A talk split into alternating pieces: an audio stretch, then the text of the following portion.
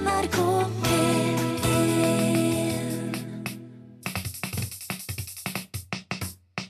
Godt nyttår fra Utakt-personalet til deg der ute i Norges land.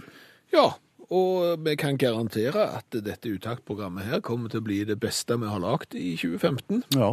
Og formålsparagrafen for 2015 er den samme som den vi hadde for 2014. Ja, den er veldig enkel. Den er bare sånn at du, vi skal være godt humør på mandagskvelden, og eh, så skal vi være godt selskap. Det er det enkle. Og ønsker du kontakt med oss underveis i programmet, så er det enkelt. Ja, det er enkelt. Eh, Der har vi jo noe som heter SMS. Send SMS til 1987. Start den med utakt. Eller så kan du gå inn på Facebook-sida vår, søke opp utakt med skråblikk i fokus. Det er alle tiders teknologi, dette her med EDB-maskiner, og så kan vi følge, for dette er et direktesendt program, og vi tar imot innspill. Og det jeg vet, at eh, når vi nå står ved inngangen til et nytt år, så har Skjæveland, som sitter sammen med meg i studio, tenkt litt på hvordan han skal te seg. Er, er det muligheten for fornying? Ja, det tenkte jeg, for i dag så sto jeg foran klesskapet og, og tenkte at her skal jeg foreta meg noe. Ja, nå skal det skje ting. Nå skal det skje ting. Nå tror jeg rett og slett at jeg skal bli såpass voksen at eh, T-skjorter med bandnavn, de skal jeg ikke gå med. De gamle Genesis og Phil Collins-T-skjortene. Ja, Genesis og Phil Collins-T-skjortene skal jeg nok gå med, men alle de andre, de skal jeg ikke gå med. Pink jeg- Floyd og, og Marillion-T-skjortene. Ja, Og Marillion og Tears for Fairs-T-skjorten, Bon Jovi-T-skjorten eh, tror jeg jeg skal gi vekk til sønnen min. Å ja, jeg tenkte et, et, et veldig formål, men de skal bare ned et hakk. Ja, de skal ned eh, de skal, han, han i kjelleren, han, han skal få seg et musikalsk T-skjorteløft. Det er planen. Ok, Er det den eneste store klesendringen du har vurdert ved inngangen til 2015? Nei, det er ikke det. Men, det tror jeg, men jeg tror det er den jeg kommer til å gjennomføre. For den andre som jeg har lyst til å gjennomføre, der, der møter jeg litt motbør. Hva ønsker du å iføre deg? Hatt. Skjæveland vil gå det nye året i møte ikledd hatt. Ja. Vekk med band-T-skjorter og på med hatt. Eh, Jeg har vurdert mange. Eh, blant annet den som ligner litt på Fleksnes. Der har jeg gått til innkjøp av en brun en. eh, og så har jeg gått til innkjøp av en sixpence. Eh, rudet sådan i tweed. Eh, og ingen får jeg lov å gå med. Nei, du sier du møter motstand fra hvem? Ja, huset jeg er gift med, for eksempel. Og, og jeg vil si stort sett alle andre som jeg møter òg. Når jeg tar på meg disse hodeplaggene, så, så møter jeg motbør. Dette kan du ikke gå med. Nei, ok. Fleksnes-hatten, for kritikk møter du der? Nei, altså, da får, jeg, eh, da får jeg kritikk for at jeg ser gammel ut. Eh, eh, Når jeg tar på sixpence, så får jeg kritikk for at jeg ser kort ut.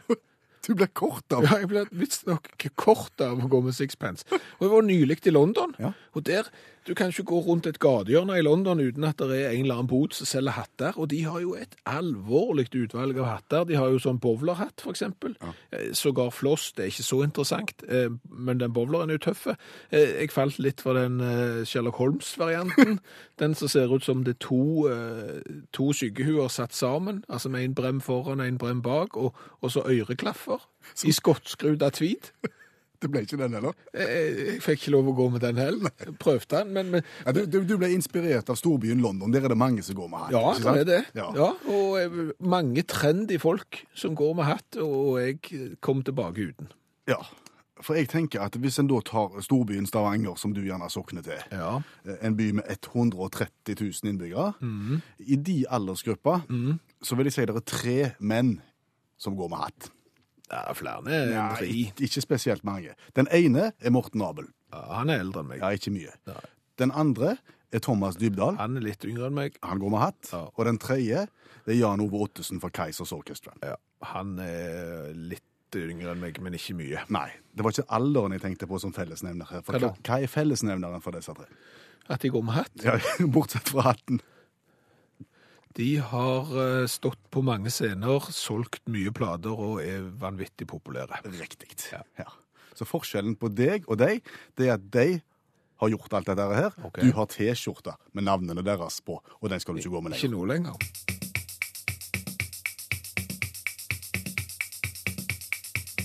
En av de som forlot oss i 2014, Joe Cocker var det.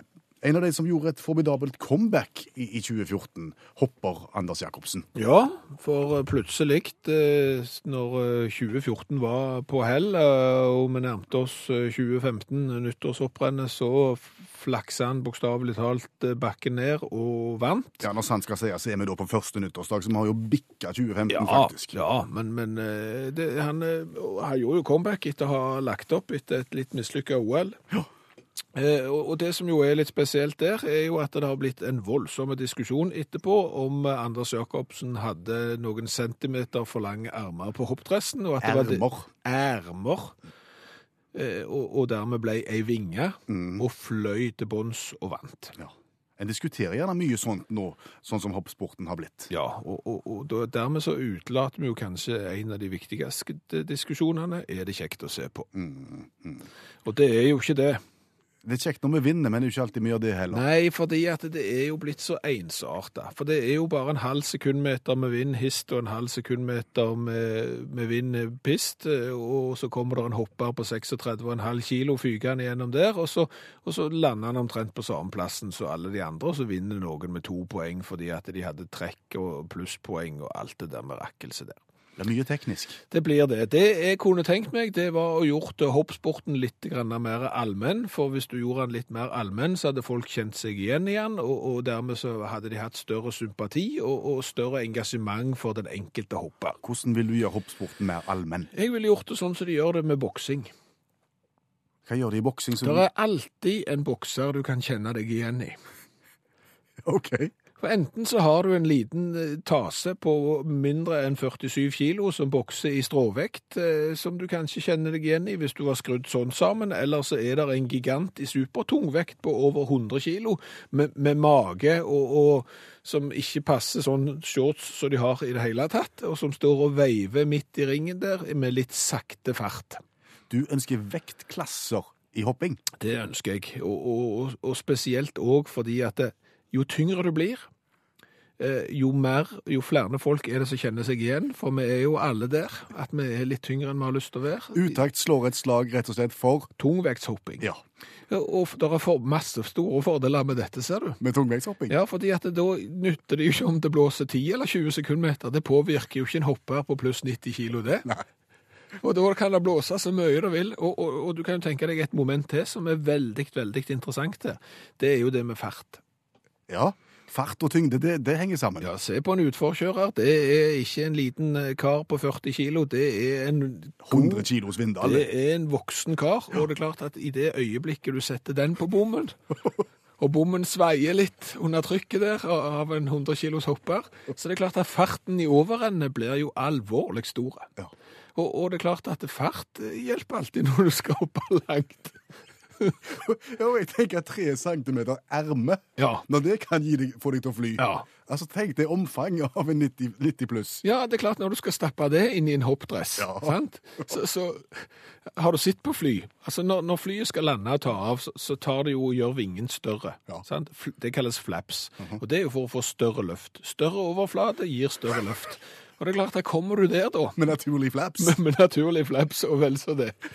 Så for å si det sånn, du lander jo i Innsbruck, Ja. sant? Du bare passerer og sier takk for i dag, og så lander du nede eksempel i puben i Innsbruck.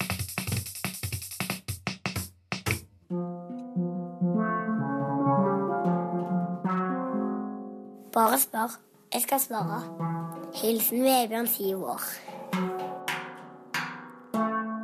Det er kjekt å kunne fortelle at Vebjørn 7 er med oss også inn i det nye året og gir svar på spørsmål som du som hører på Utakt måtte sitte med. Ja, og det var kanskje ingen overraskelse at mange av de spørsmålene som kom inn i forbindelse med kveldens sending, handla om nyttårsforsett.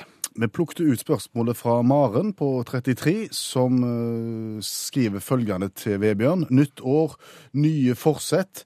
Hva skal jeg gjøre for å ikke havne tilbake i gamle synder? Spør Maren, altså. Ja, og, og for å si sånn, Maren eh, 33 har dette problemet, jeg har dette problemet, du har dette problemet. Vi er vel mange som tenker at vi skal begynne et nytt og bedre liv når det er 2015, og, og, og så møter vi gjerne veggen. Ja.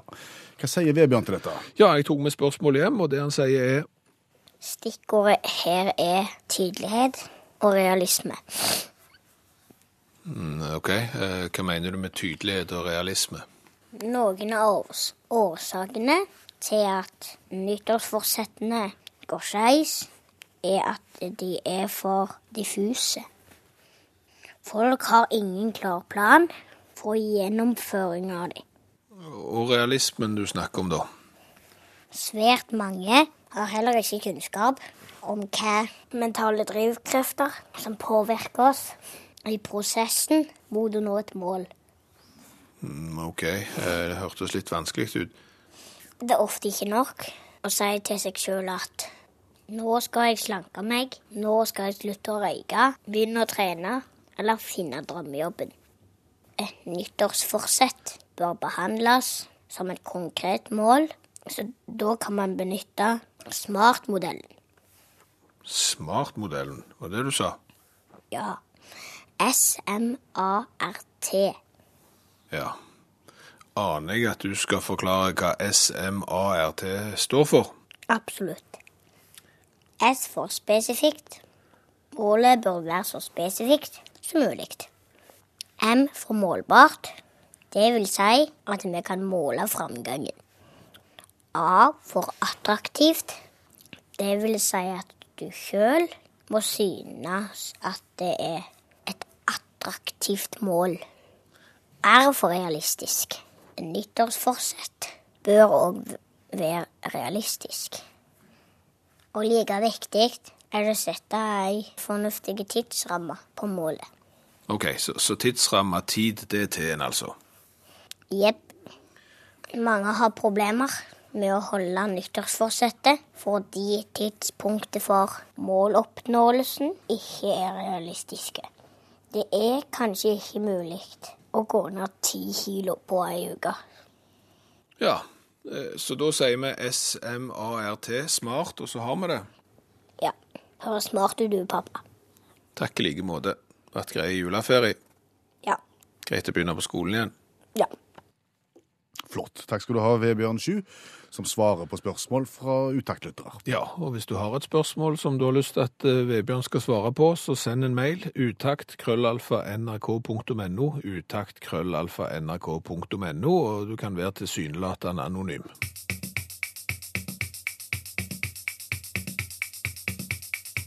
Og du hører utakt i NRK P1, og vi har fått et spørsmål fra Jarl, som hører mye utaktprogrammer, og har sendt inn et spørsmål vedrørende singelplater, altså som ble utgitt på vinyl for en del år siden. Ja, eh, og for de som ikke har hørt om vinylplater, det er jo i skuddet som aldri før. Eh, LP-plater selger i butter og spann, faktisk. Eh, Det skulle du ikke tro. For CD-er selger det jo nesten ingenting av, men vinylen selger mye. Men gjerne ikke da singel, og singel var en liten vinylplate som bare hadde plass til én sang på hver side. Mm.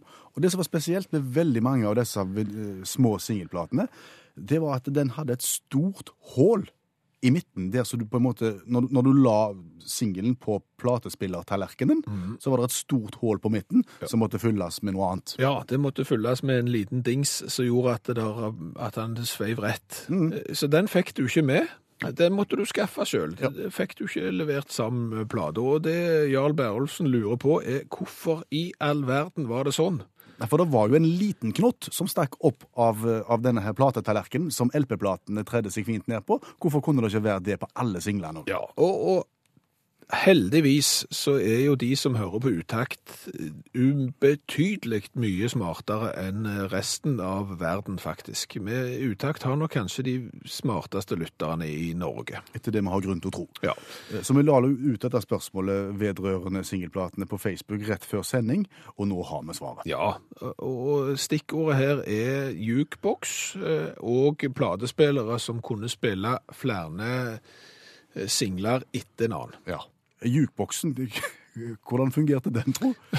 Jukeboksen eh, Kanskje jukeboks, men, men, men den, da kommer du inn Jeg husker det, jeg husker jukeboks. Du kom inn, så trykte du på en knapp, eller en kombinasjon av knapper, f.eks. F14, og så spilte han Let It Be Ja. med, med Beatles. Og da var det vel en mekanikk inni det som gjorde at du skulle spille den rette singelen, den skulle hoppe på plass. Så trengte han et stort hull i midten. Etter det vi har grunn til å tro. Eh, Så ligger det ute òg på Facebook-sida til Utakt eh, bilder av sånn platespiller der du liksom stabla platene oppå en annen. Og så, når den ene var ferdig spilt, så datt neste ned. Og for at det skulle virke tydeligvis, så måtte det være et stort hull i midten. Mekaniske årsaker, kan vi egentlig si det sånn? Ja, eh, men det er jo òg spekulert i om det var noen som ville gjøre store penger på å selge de der senterringene. Det, det kan jo òg hende at det var en senterringmafia. Ja. Det er nok like sannsynlig som det med jukeboks og det andre. Ja, en senterring, rett og slett. Ja.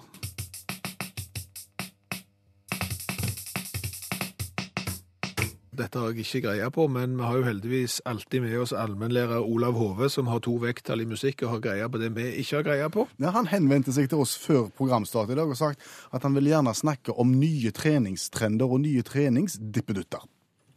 Nei, I år så er det jo hett med wifi-basert utstyr, da. Og der finnes det jo en hel skog. Hva vil det si? Wifi-basert Ja, utstyr? det, er, det er treningsutstyr som er kobla opp mot internett. da. Eh, For da blir du i bedre form. Og jeg kan jo begynne med JumpSnap. Det som- velkjente jumpsnap, ja. Ja, JumpSnap, som er jo en videreføring av uh, det, det gamle, gode hoppetauet. da. Men dette her er et, i dobbel forstand trådløst hoppetau. Du har to håndtak, og så illuderer du hoppetauhopping. Og, og det er ikke snor på det. Nei, det er ikke snor. Og så sender du da eh, Da sender du beskjed til, til eh, computeren din om hvor mye kalorier du har forbrent og slike ting. Ehm, og så går det visst an å bare sitte i sofaen, ete popkorn og veive med de der to, og så, så trener du like mye. Så, så den er for, foreløpig på eh, forsøksstadiet. Det som er kommet ut, og som er i salg, det er et mandometer. et Mandometer. ja, og det er av typen jækla irriterende eh, gadgets for slanking. Det er enkelt og greit eh, i, i, i vekt som er kobla opp mot internettet. Så setter du tallerkenen din oppå der, og så, og så stapper du da eh, maten din, altså middagsmaten din opp på tallerkenen, og så mandometeret veier da hvor mye mat det er. Og mandometeret det er veldig opptatt av matmelting, for hvis du leser, og det er jo litt sånn historisk gammeldags, hvis du leser for eh, syvende sans fra 40-tallet, så står det jo at matmelting er jækla viktig, ellers så dør du. Og det er hvor mange ganger du tygger og sånn. Ja, ja, ja. Så hvis maten din forsvinner for fort, så begynner mandometeret å pipe nokså høyt. Så hvis, så hvis hele, hele middagsselskapet sitter med hver sitt mandometer, så blir det ikke kjekt. Det blir ikke noe nyttårsfest ut av det. altså. Nei. Rett og slett. altså. Eh, Så en personlig favoritt som jeg har sett i bruk, eh, det er The Hug. eh, Som er et sneise lite armbånd eh, til vannflaska di. Hæ? Og så er det synka da med smarttelefonen din. Mhm. Og, så, og, og smarttelefonen din han vet òg hvor tung du er, hvor lang du er, hvor gammel du er, og temperaturen i treningssenteret. Eh, For det er en liten temperaturmåler på huggen. Og så gir, gi da eh, smarttelefonen og armbåndet beskjed når du er tyst. Kjempesmart. Og for folk som ikke vet når de er tyste, så er, er, det helt eh, perfekt. Kan den brukes på lørdagskvelden?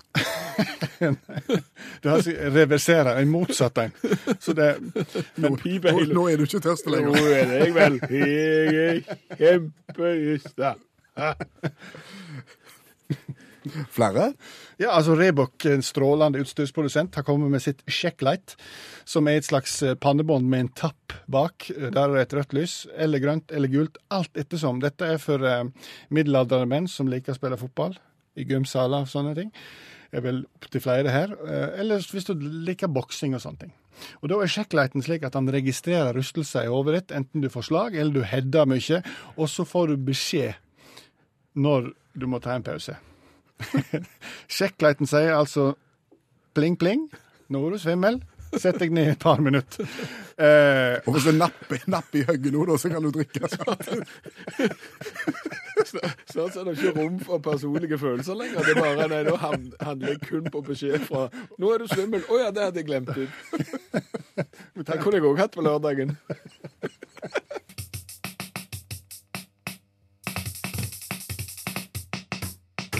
Hva er det som er verdens mest populære drikk, Skjæveland? Ja, jeg vil tippe cola. Coca-Cola. Ja, Vi har iallfall gjort regning med at det er verdens mest eh, populære drikke, uten å ha gått og spurt folk. Men jeg tror alle i hele verden har et forhold til cola i en eller annen fasong. Ja, og, og det har jo vært sånn at når eh, konkurrenter oppdaget at hvor populær denne drikken ble, når ble den lagd for første gang, husker du det? Eh, nei. På slutten av 1800-tallet? Ja, slutten av 1800-tallet kom eh, den første colaen, og etter at det tok av, så har jo flere og flere hevet seg på, og det er klart at eh, en suksess er jo alltid enkel å følge, og da skal du skumme litt av fløten av det merket òg. Mm. Derfor er det enormt mange som hever seg på og lagd sin egen cola. Ja, du har jo Afrikola, for eksempel. Den den heter? Afrikola.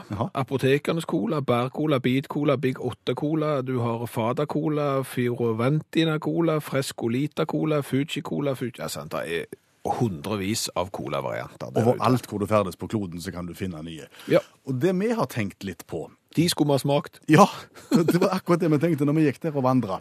Så tenkte vi hvor mange forskjellige colavarianter kan vi klare å smake på i løpet av en utaktsesong? Jeg tror at eh, vi skulle klart å smakt på veldig mange. Det er ikke der problemet ligger. Problemet ligger i å få tak i dem. Ja, ja, selvfølgelig. Ja, og, og, og dermed så er jo det vi har lyst til å være, er jo det radioprogrammet i Norge som har smakt på flest eh, typer cola og, og dokumentert det. Ja, for Forbrukerjournalistikk er populært, så vi vil gjøre dette her. Vi vil smake, og vi vil vurdere, og vi vil gi poeng. Og så vil vi da lage en, en, en skala til slutt, sånn at du som forbruker kan få vite hvilken cola du bør gå for, og hva du ikke bør gå for. Ja, Afrikola, for eksempel. for eksempel Afrikola. Det, men, det, men det som vi nå spør om, kjære lytter av utakt, hvis du skal ut på tur, og har litt tid og bagasjeplass til overs, eh, ta gjerne med en litt eh, ukurant cola med deg hjem, og, og send den til oss. Fordi markedet for ukurante colaflasker i Norge er særdeles lite i forhold til det store utland. Vi har fått tak i noe, men selvfølgelig der er mye mer der ute. Og der er jo et konglomerat, en godtepose av cola der ute. Men iallfall, vi har lyst at 2015 skal bli det året der vi smakte på mest mulig cola. Og vi starter nå. Det gjør vi, og vi kan åpne den. Og skal vi se hva det er etterpå. Sånn. Det er Royal Crown. RC-cola, kjøpt i Norge. Kjøpt i Norge, produseres to plasser i Norge, blir tapt eh, på lisens eh, to plasser i Norge, men er egentlig et amerikansk produkt fra starten av 1900-tallet. Ok. Og det vi skal gjøre nå, nå skal vi smake på RC-colaen. Da heller vi oppi en liten tår til deg. Skummer jo akkurat som den skal. Vær så god. Så skal vi gi poeng fra 1 til 10 på smak. Det skal Ja. vi gjøre først. Og så skal vi se litt på flasker og, og uttrykket og design og den slags. Og så skal vi gi, skal vi gi karakter for kulhetsfaktor etterpå. Så skal dette bli en totalsum. Ja. Men vi begynner med smaken. Skal vi se.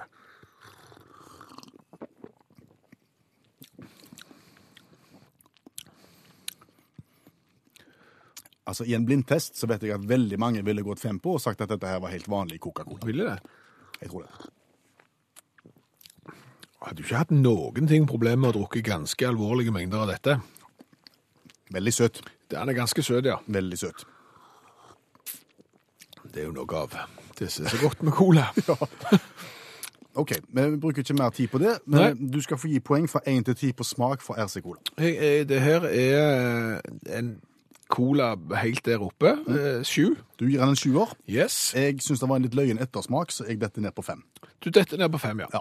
Så er det den her kulhetsfaktoren. Altså, hvor tøft er det å gå med en RC-cola i for eksempel i forhold til den, den standard vanlige Coca-Colaen? Hvordan ser flaska ut? Flaska er jo med blå etikett og et lite lynlignende symbol på, og så står det RC.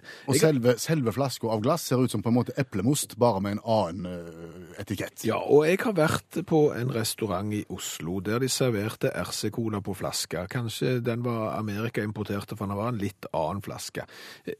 Det ga et litt sånn tøft preg. Oh, det var Det var litt rockabilly, og litt eh, Du fikk litt den følelsen der når du satt og spiste burger og hadde denne colaen på glassflaske. Så, så, sånn at kulhetsfaktoren her, med å drikke noe som kanskje er bitte litt ut forbi allfarvei i forhold til det alle andre drikker, Det gjør at du gir karakteren det gjør at jeg havner på en syver her òg. også der. Ja.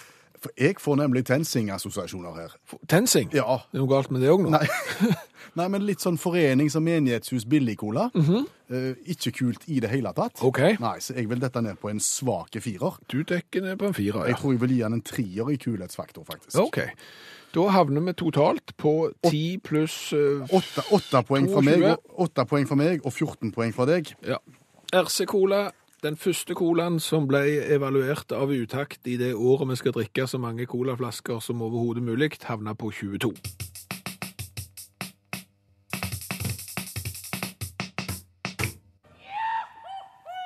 Og når jeg sier danse, så mener jeg egentlig konkurrere. Ja, Hei, Petter. God kveld. Hei.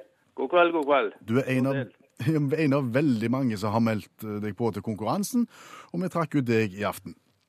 Det var kjekt. Har det nye året starta godt? Ja, det starta rolig og fint. Jeg begynte på jobb igjen først i dag, så det har vært en rolig start. Ja. Var det litt godt å komme i gang igjen, eller er det bare en sånn frase som er tull og tøys? Nei, det er egentlig godt å komme opp til vanlig tid og sette seg på båten og reise til byen på Ja. jobb. Og hva jobber du med når du drar til byen da? Nei, da jobber jeg i et rederi. Det har med kvalitet å gjøre. Ja. Akkurat. Vi skal gå i gang med konkurransen, og vi skal kjapt ta reglementet før vi begynner. Ja, det er veldig enkelt. Peter Nødts spørrebok som er for barn fra 1975. Der er det 68 sider. Jeg bare finner ei side sammen med Petter, og så finner vi et vilkårlig spørsmål. Svarer Petter rett, så får han litt glad jodling, og svarer han feil, så får han litt grann trist jodling, men uansett så skal det ei T-skjorte opp til Nordhordland. Det er forstått, Petter?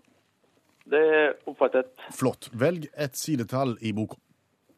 Da tar vi side 17. Side 17.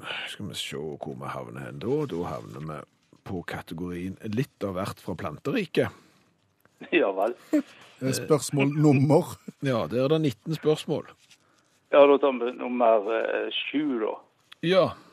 Dadlene vokser på trær. Vet du hva slags trær? De, jobber, de vokser på daddeltre, de. Ja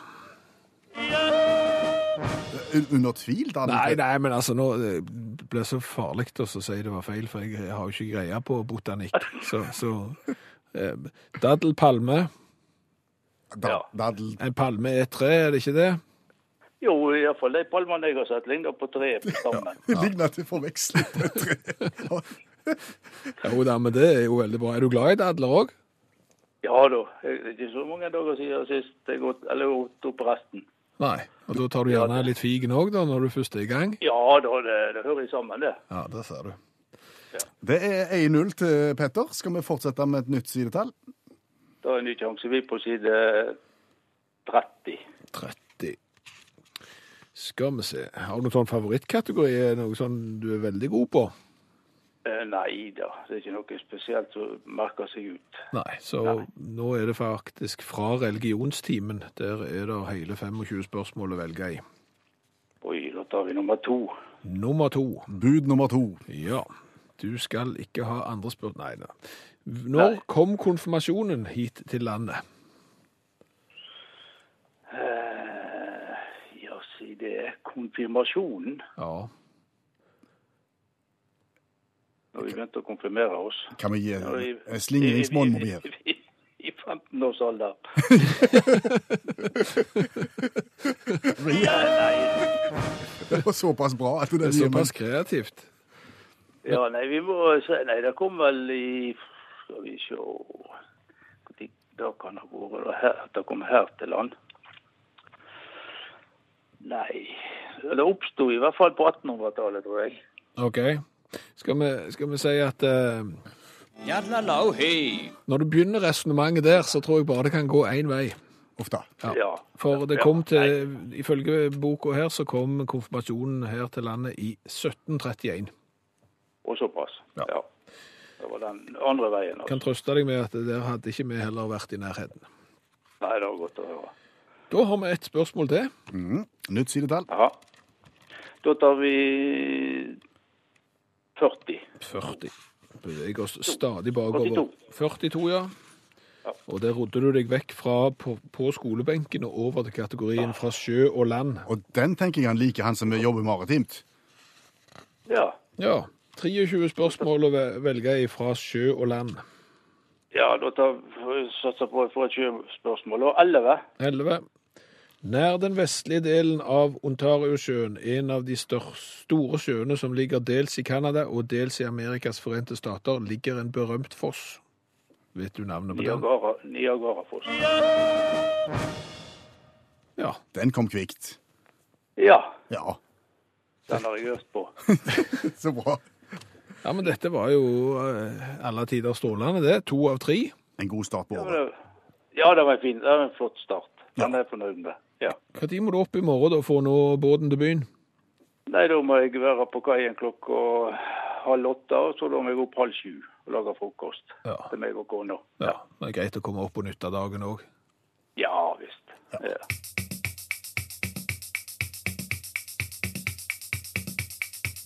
Nå kanskje har du vært på nyttårssalg de siste dagene. Ja, det Greit å komme i gang etter at Ja. romjulssalget har lagt seg, Ja, tenker jeg. absolutt. Det er viktig å komme seg ut på salg. Hvordan skal det ellers gå? Men det som jo er litt oppsiktsvekkende når det gjelder salg, det er jo at det begynner så forferdelig tidlig. Det er blitt så moderne å starte salget 07.00, eller sågar 06.45. Ja, hva er vitsen med det?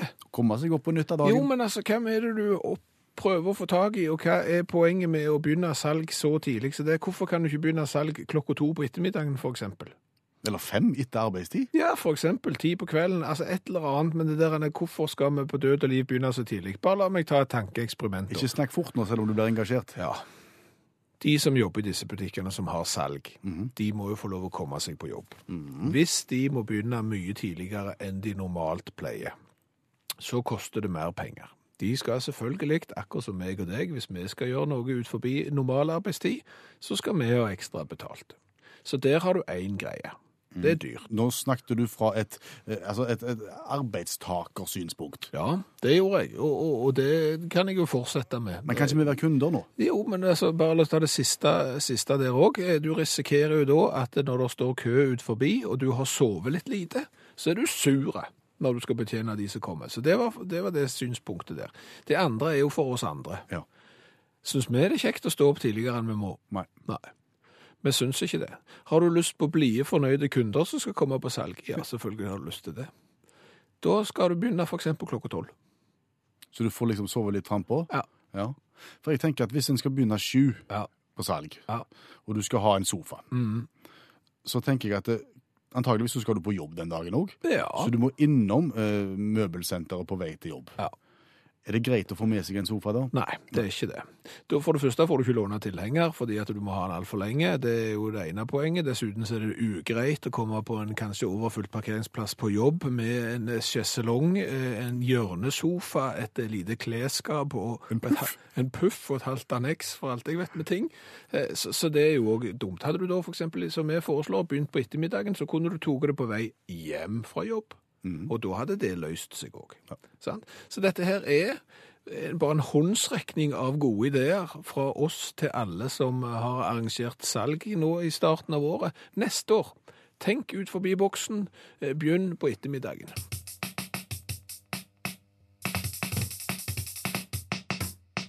Du, jeg liker overskriften for neste tema i programmet Utakt Skjæveland. Fyllerør eller tekniske spør problemer? Spørsmålstegn. Ja, for det det handler om, eh, jeg skal prøve å forklare dette så enkelt og tydelig som overhodet mulig. Men hvis du er ute som reporter i TV- eller radiosammenheng og skal snakke med en som sitter i studio, så må du ha på deg noe på ørene som gjør at du kan høre han som sitter i studio når han snakker til deg. Det, det må du. Ja, det, og det har du sikkert sett på TV. og Hvis du ser på nyhetssendinger, så ser du en korrespondent der ute som kommuniserer med studio. Han nikker gjerne en del, sånn, for på en måte vise at han har kontakt med studio. Og den kontakten får han via øret. Ja. Eh, Det problemet vi skal inn på nå, det er når i tillegg til å få vedkommende som sitter i studio og, og skal snakke med deg som ute i felten, når du da får lyden av han og deg sjøl tilbake igjen. Da kan det bli problemer. Eh, Hvis den lyden kommer nøyaktig på samme tid som du sjøl snakker, så er det ikke vanskelig. Nei. Men hvis den lyden av deg sjøl kommer bitte litt seinere enn du sjøl snakker, da blir det fryktelig vanskelig å snakke. Ja, og sånn er jo den digitale verden blitt, eh, at et signal eh, tar litt tid. Det skal gå via et eller annet til et eller annet, og dermed så får du gjerne stemmen din tilbake som et ekko av deg sjøl. Ja, og som jeg sier, er fryktelig vanskelig å snakke. Hvis du ikke har prøvd dette her, så vil du ikke tro hvor vanskelig det egentlig er. Du var vel egentlig litt kjepphøy du når jeg begynte å presentere ideen om dette her, at det kunne ikke være så vanskelig. Nei.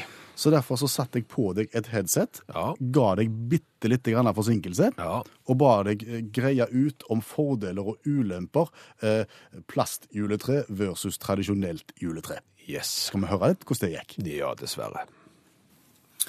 Jeg vil jo si at fordelen med, med tradisjonelt juletre er jo lukt.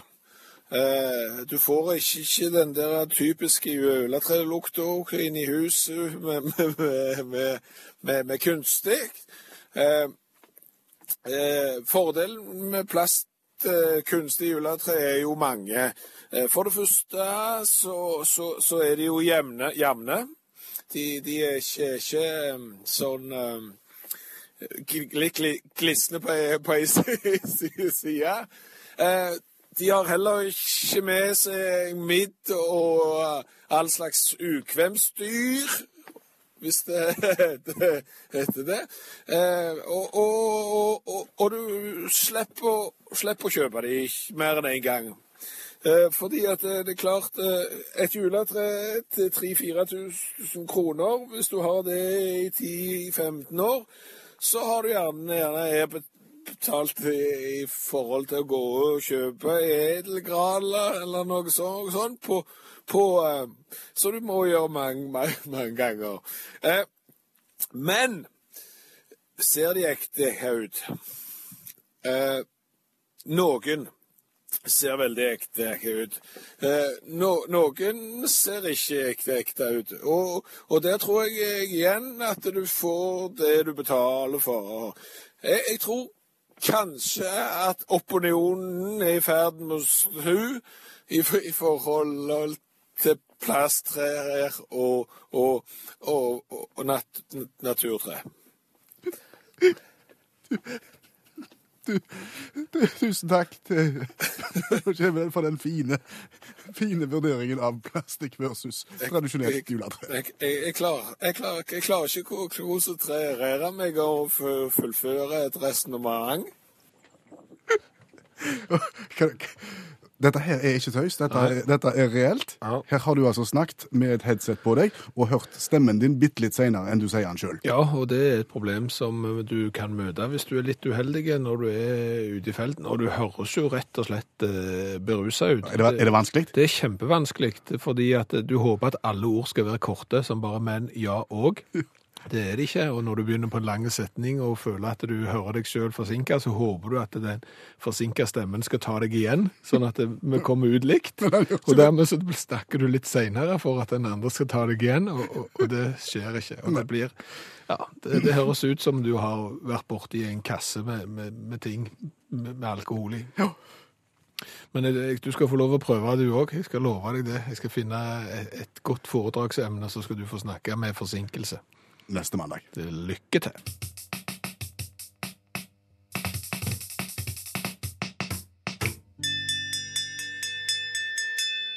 Utakt leser høyt fra boka 'Norges morsomste vitser'. De beste vitsene fra NM i humor. Forvandling. Gamle Ole hadde forlatt denne Jammerdal etter et noe fuktig liv, og svirebrødrene hans fulgte i begravelsen. Hans gamle venn Embret eh, følte at han burde si noe i en sådan stund. Han tuslet fram til graven med en blomsterkvast, foldet hendene og sukket. Ja ja, Ola. Du har jo bestandig vært en glad laks. Men nå er du plutselig blitt gravlaks.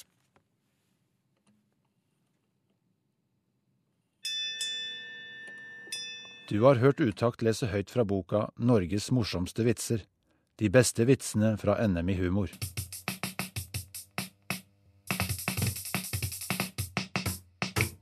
Har jeg tilfeldigvis fortalt deg på Øystein at jeg har håndhils på selveste Phil Collins?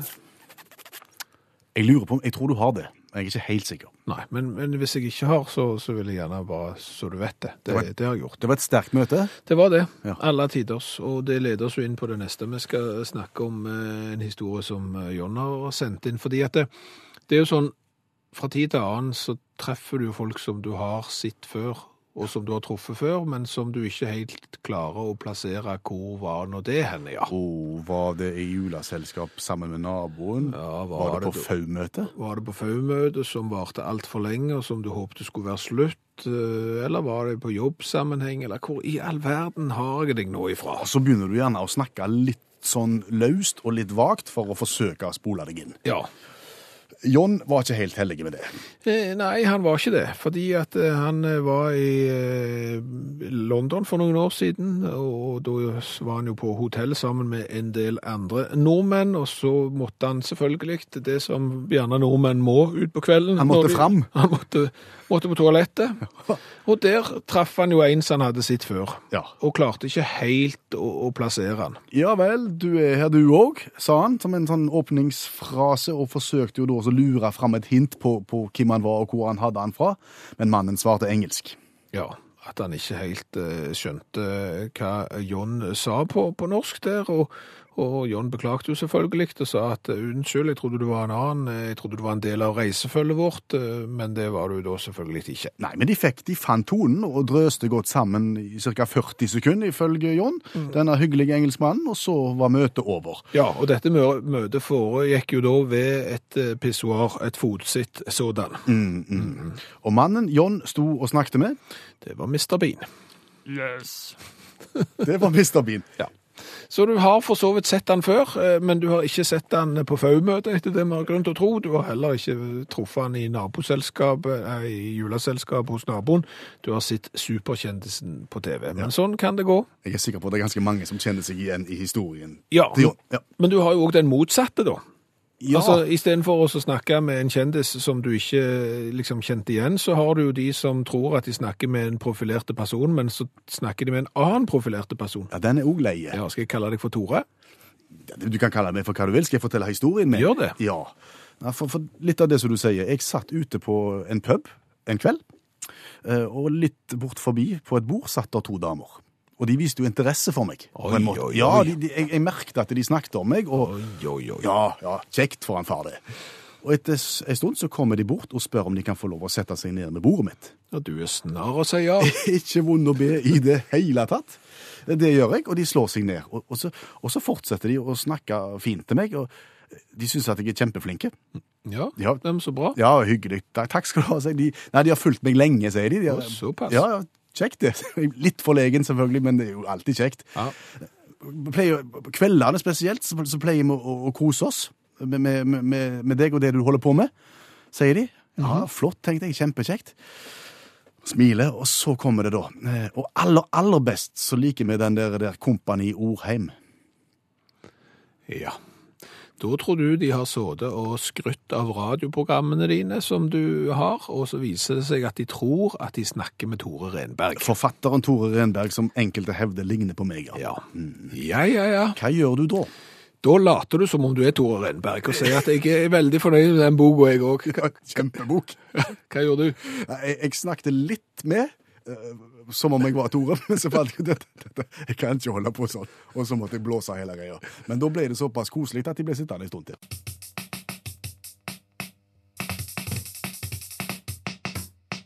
Vi snakker i utakt i dag om nye treningstrender i eh, anledning det nye året som ligger foran, og alle nyttårsløftene folk har avgitt til seg sjøl om å begynne å trene. Ja, og det som jo da ofte skjer, det er at du skal på tredemølla eller i helsestudio og gjøre noe annet, og da er det jo plutselig de store muskelgruppene det er snakk om. Det er mage, rumpe, lår, eh, overarmer, brystmuskler og den slags. Det har vår faste deltaker i Utakt, allmennlærer Olav Hove, som har tovektig musikk, sett seg lei av.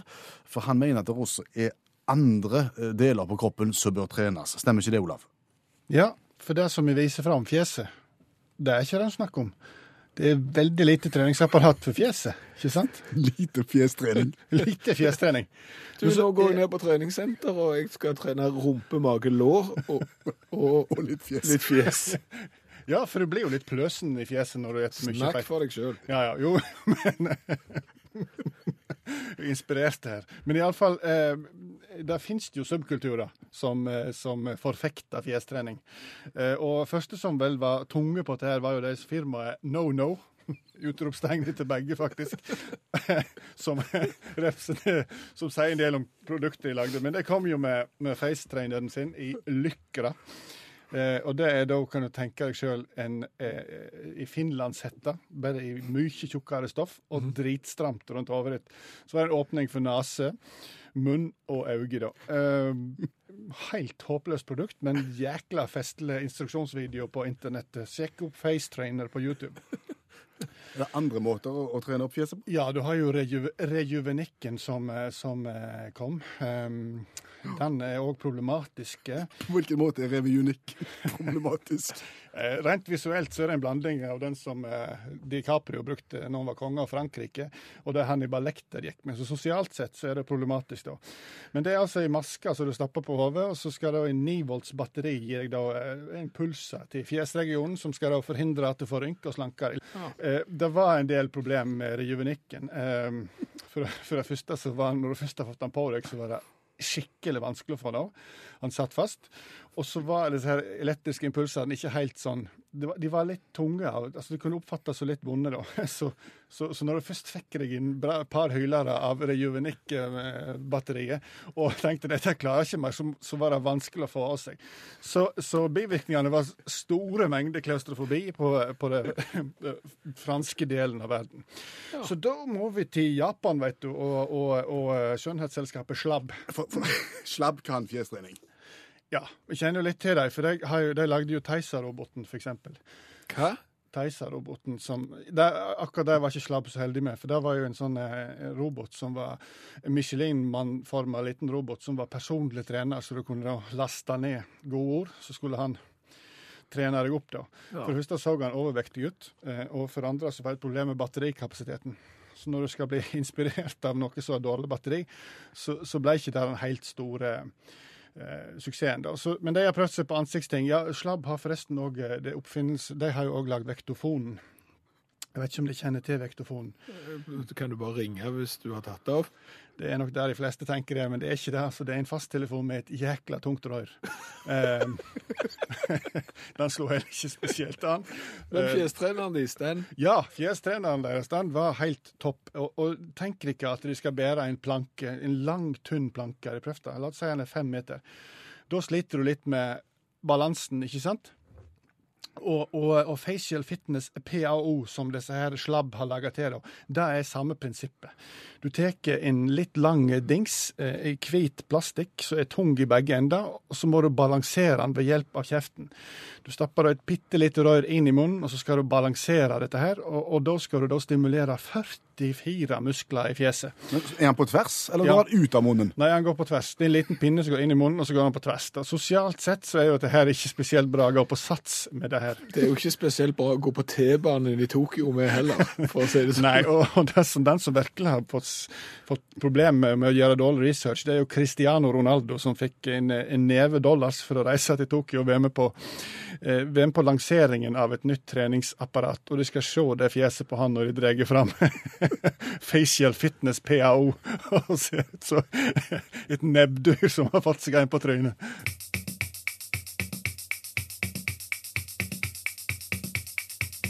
Jeg gåte helt på tampen, Skjæveland. Hva har skjedd 42 ganger i 2014? Ja, jeg vet det, jeg, men jeg eh, kan gjette at jeg ikke vet det. Nei, fortell.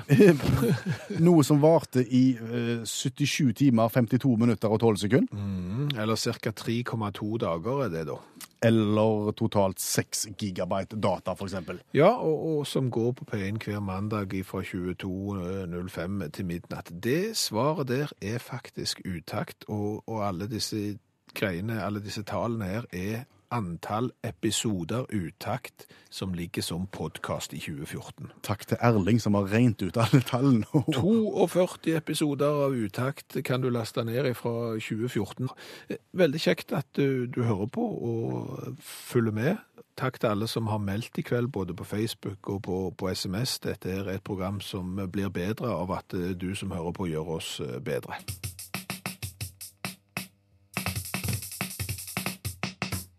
Hør flere podkaster på nrk.no podkast. NRK P3